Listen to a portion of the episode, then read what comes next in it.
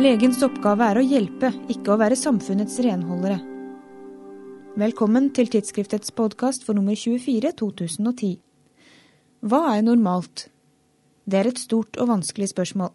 Medisinsk redaktør Anne Kveim Lie er postdoktor i medisinsk historie og kan fortelle at det ikke er lenge siden normalt og patologisk ble nøkkelbegreper i medisinsk praksis. Midt på 1800-tallet ble det normale bestemt som det gjennomsnittlige. Begrepet normalt kommer av det latinske normalis, som betyr rettvinklet. Og I medisinsk språkbruk så er ordet tvetydig. På den ene siden så betegner det det som er mest utbredt, eller tilstanden til en gjennomsnittsperson. F.eks.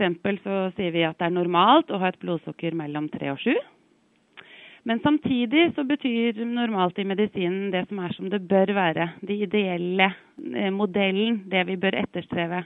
Så normalt betegner altså i medisinen og i samfunnet ellers ikke bare det gjennomsnittlige, men også i tillegg det friske, det gode og det riktige. Kveim Lie har skrevet en lederartikkel om skillet mellom normal og patologisk, i forbindelse med en annen artikkel i tidsskriftet om ekstrem selvneglisjering.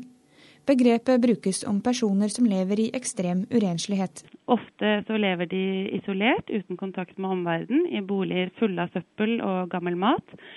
Eh, og disse boligene er ofte også tilgrises med urin og avføring.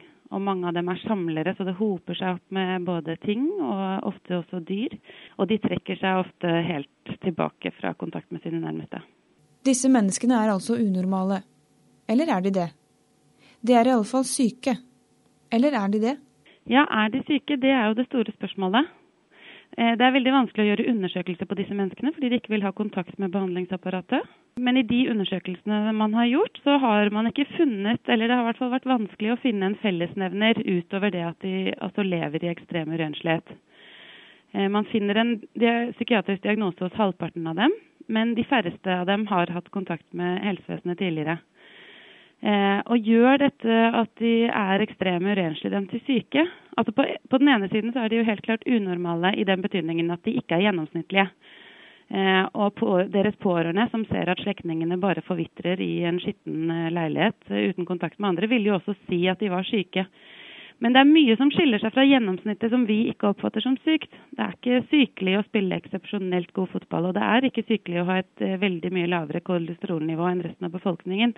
Så spørsmålet er jo hva som gjør at vi oppfatter noe som sykt når det er unormalt.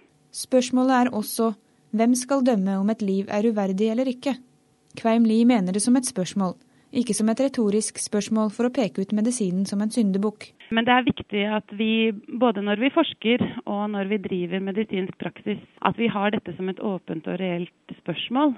Noen ganger så må vi tørre å være paternalistiske. Altså Vi må tørre å dømme om et liv er uverdig eller ikke. Og vi må tørre å si at nå er grensen nådd, nå må vi behandle. Dette mennesket trenger behandling akkurat nå, selv om de ikke vil. Men det ligger en voldsomt stor makt i en slik paternalistisk utøvelse. Det tror jeg alle psykiatere f.eks. er klar over og prøver å forholde seg til. Fordi det å si til et menneske at 'jeg vet bedre enn deg, derfor skal jeg tvinge deg til å få behandling', er kanskje den største frihetsberøvelsen man kan gjøre. Og jeg mener at en god ledetråd må være å stille oss spørsmål om når det ikke er riktig. Og det er kanskje ikke riktig hvis vi ikke kan forestille oss at denne pasienten, når eh, pasienten blir bra, i ettertid sier at ja, dere gjorde det riktige.